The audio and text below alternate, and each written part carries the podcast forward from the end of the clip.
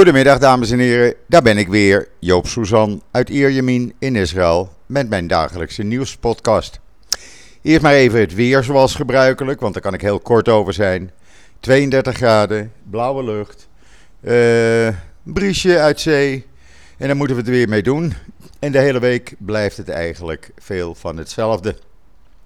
Mocht u uh, wat getoeter op de achtergrond horen, uh, vandaag was de laatste schooldag voor de middelbare scholen.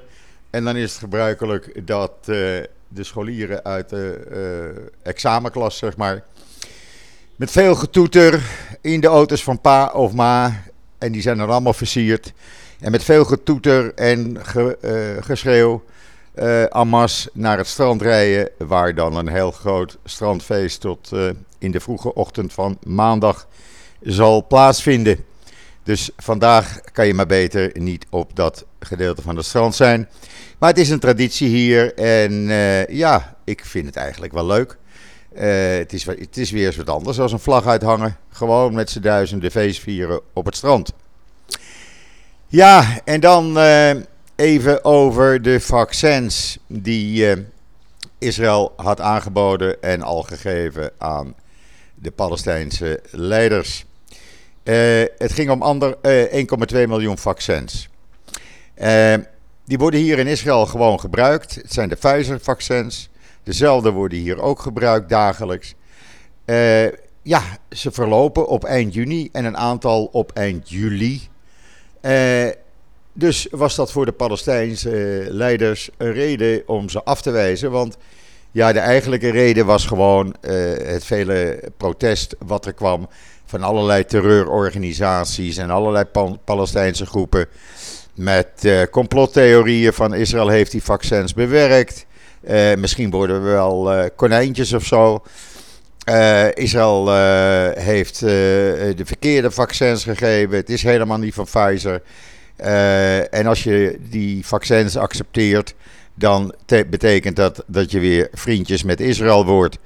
Nou, dus wat verzonnen de Palestijnse leiders? Ja, we geven die uh, vaccins terug.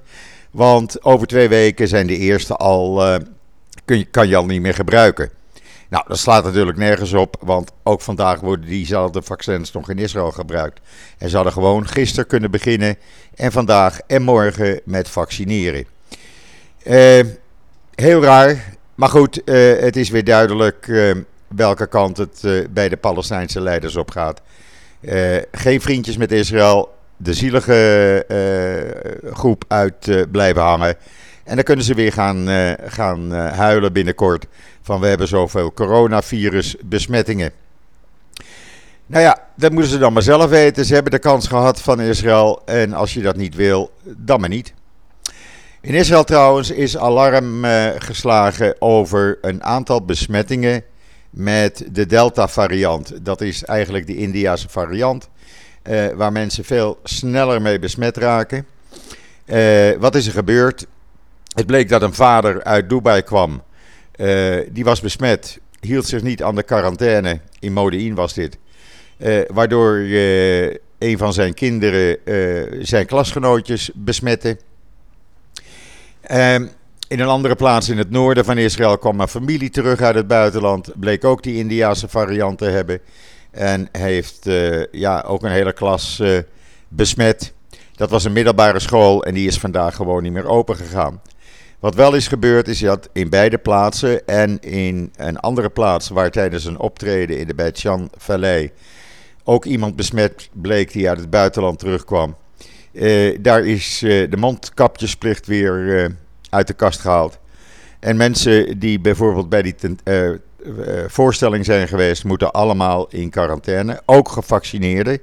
Want het blijkt dat een paar gevaccineerde uh, mensen toch ook besmet zijn geraakt. Nou is het niet zo dat je dan meteen heel erg ziek wordt. Want de ervaring hier in Israël leert dat uh, je hele lichte klachten krijgt. Maar goed, het zekere voor het onzekere. Hier wordt niet uh, afgewacht. Vijf dagen of zo, zoals in Nederland meteen in quarantaine. Over vijf dagen worden de mensen weer getest. Uh, zijn ze dan vrij van het virus, dan kunnen ze eruit. zijn ze niet vrij, dan moeten ze nog vijf dagen blijven en worden ze op de tiende dag nogmaals getest.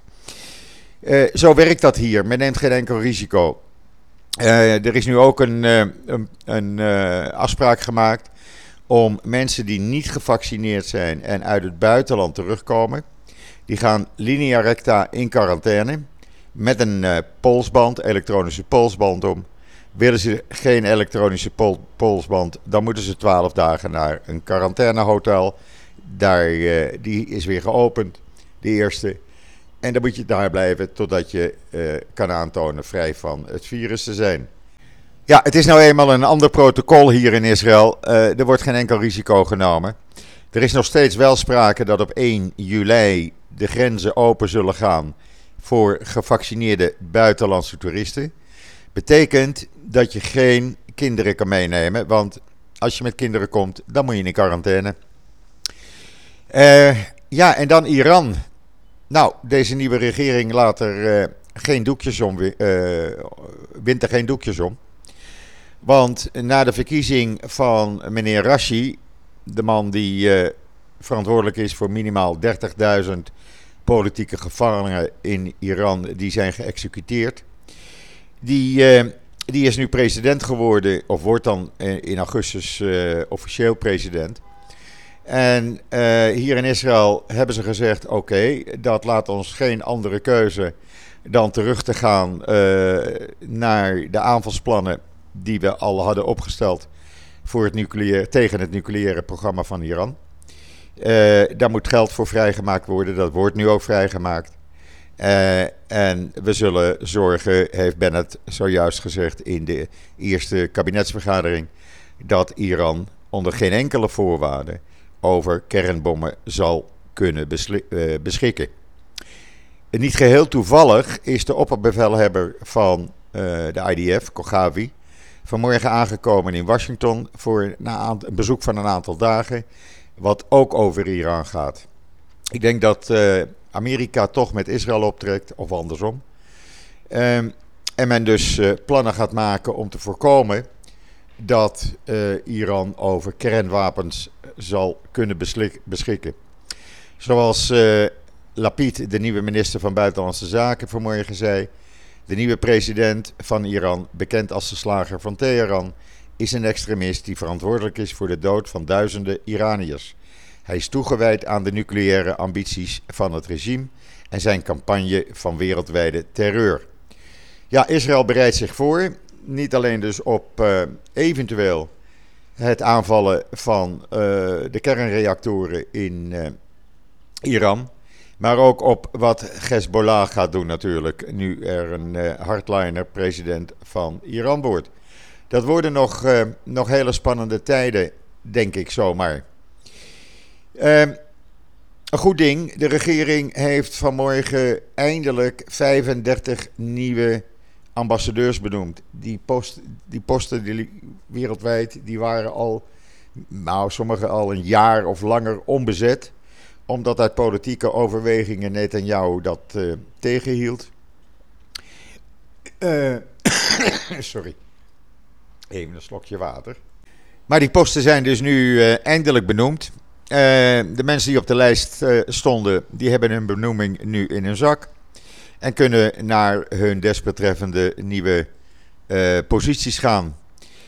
dat is bijvoorbeeld posten bij de Europese Unie, andere Europese landen, in, in Zuid-Amerika, Australië als ik me niet vergis. Dus ja, eindelijk worden er weer diplomaten benoemd. En dan, wat vanmorgen ook is besloten, en eigenlijk het eerste besluit, is dat er een commissie van onderzoek komt naar de ramp op de berg Meron in uh, april, waarbij 45 mensen om het leven kwamen. Dat werd tegengehouden door de vorige regering, uh, door de ultra-orthodoxe partijen. Die zeiden tegen Netanyahu, als je daar onderzoek naar gaat doen, dan uh, treden wij uit de coalitie. Nou, deze regering heeft geen last daarvan. Er zitten geen ultra-orthodoxe partijen in. De commissie van onderzoek komt er. Ja, en daar gaan uh, koppen rollen. Dat is nu al bekend. En waarom is dat bekend? Nou, die hele, dat hele management op die berg Meron, dat was een soort staat in een staat. Uh, de overheid had daar niets te vertellen. Uh, de rabbijnen maakten daar de dienst uit, die bepaalden alles daar. veiligheidsprocedures werden niet nageleefd. Het was gewoon één grote bende. En daar gaan nu koppen rollen. Dat is een ding wat zeker is. En uh, ja, we zullen zien wat de uitslag daarvan is. Een ander voorstel van Gans wordt op dit moment besproken om alsnog een commissie van onderzoek in te stellen naar de zogenaamde onderzeebotenaffaire. Daar zijn uh, de meeste naaste, echt naaste medewerkers van Netanyahu en adviseurs zijn al in staat van beschuldiging gesteld, Netanyahu niet. Maar er zijn toch aanwijzingen dat Netanyahu daar op een of andere manier bij betrokken is. Want al zijn, eh, alle beslissingen kwamen bij hem vandaan. Um, een ander dingetje wat de nieuwe regering uh, gaat doen: zo snel mogelijk een budget maken. Zoals Lieberman vanmorgen op radio zei. Zodra uh, wij een budget hebben, ben ik er zeker van dat deze regering de hele rit gaat uitzitten. En waarom is dat belangrijk? Nou, er is in Israël uh, bijna drie jaar geen budget geweest, geen begroting geweest. Uh, Netanyahu gebruikte ook dat weer als politiek uh, drukmiddel. En er is gewoon zonder begroting gewerkt. Nou, die begroting gaat er nu komen. Over drie maanden, binnen drie maanden, wil men hem presenteren. We zullen het zien. Eerst morgen maar eens even kijken. Want ja, de oppositie onder leiding van de Likud die heeft morgen een motie van wantrouwen in, uh, op de stemlijst staan. Dat betekent dat er morgen gestemd gaat worden. Nou, ik denk dat dat uh, mee gaat vallen. En dat deze regering gewoon door kan blijven werken. Want zoals de meesten nu toch wel in Israël zeggen: ja, het is anders. Er is geen achterklap, er is geen geroddel. het is rustig, je hoort ze niet. Nee, de mensen zijn aan het werk en hebben geen tijd om allerlei verklaringen uh, de, de, lucht in te gooien. Over uh, die partij, over dat en over dit en over zus en zo. Ze zijn gewoon aan het werk en ze doen, en dat zeggen ze ook, we werken voor het volk Israël. En dan is er een akkoord bereikt met de familie Netanyahu. Die moeten uiterlijk 10 juli de residentie uit in Balfour Street in Jeruzalem. Uh, hij wilde langer blijven zitten. Hij had afgelopen maandag nog een officiële ontvangst daar. Nou, dat was een druppel natuurlijk voor uh, de nieuwe regering Bennett. En die zei: Ja, hallo, jij bent gewoon oppositieleider, je bent geen premier meer. Geen officiële ontvangsten meer. Alle betalingen voor het personeel zijn stopgezet. Uh, dat betekent dat Sarah Netanyahu zelf de afwas moet doen en moet koken en de was moet doen. Ze gaan uh, op 10 juli dan verhuizen naar Caesarea, waar ze een prachtige villa hebben bij, vlakbij het strand. En ondertussen wordt ook nog een huis in uh, Jeruzalem verbouwd, zodat Netanyahu daar door de week kan wonen. Sarah die heeft een ander huis in Jeruzalem, wat uh, ja, eigenlijk door de staat is verbouwd, zodat ze haar praktijk als kinderpsycholoog kon uitvoeren. Ja, dat moest ze nu ook zelf gaan betalen. En dat wilden ze niet. Maar goed, uh, onder druk van een rechtszaak is er nu een akkoord. En 10 juli gaan ze dus verhuizen. Uh, dat zal een uh, hele toestand nog worden. Het zal ook moeilijk zijn voor Netanyahu. Hij heeft daar 12 jaar gewoond. Hij beschouwde dat als zijn privé-eigendom. Ja, en dan moet je dus van dat hele complex afscheid gaan nemen. En dus in je eigen huisje gaan zitten. We zullen zien hoe dat gaat. Ondertussen, eh, even wat anders, begint hier in Israël een beetje de oranje eh, koorts op te lopen. En nou niet bepaald bij Nederlanders, maar bijvoorbeeld Channel 13 had vanmorgen een spotje eh, alleen maar over het Nederlands elftal. Dat die morgenavond dan spelen om 7 uur Israëlische tijd. En dat het opeens een grote kanshebber voor het kampioenschap is. Na de slechte prestaties van bijvoorbeeld Engeland, Spanje en Frankrijk. Uh, we zullen het gaan zien. In ieder geval, men is uh, meer en meer positief hier in Israël over de kansen van het Nederlands elftal. En dat vind ik toch leuk om te zien. Goed, dat was het belangrijkste nieuws hier uit Israël vandaag. Uh, morgen ben ik er weer. Ik wens u allemaal nog een hele fijne voortzetting van deze zondag, de 20 juni. Het gaat hard, mensen. Morgen de langste dag. En dan morgen ben ik er weer, zoals ik zei. En zeg ik zoals altijd: tot ziens. Tot morgen.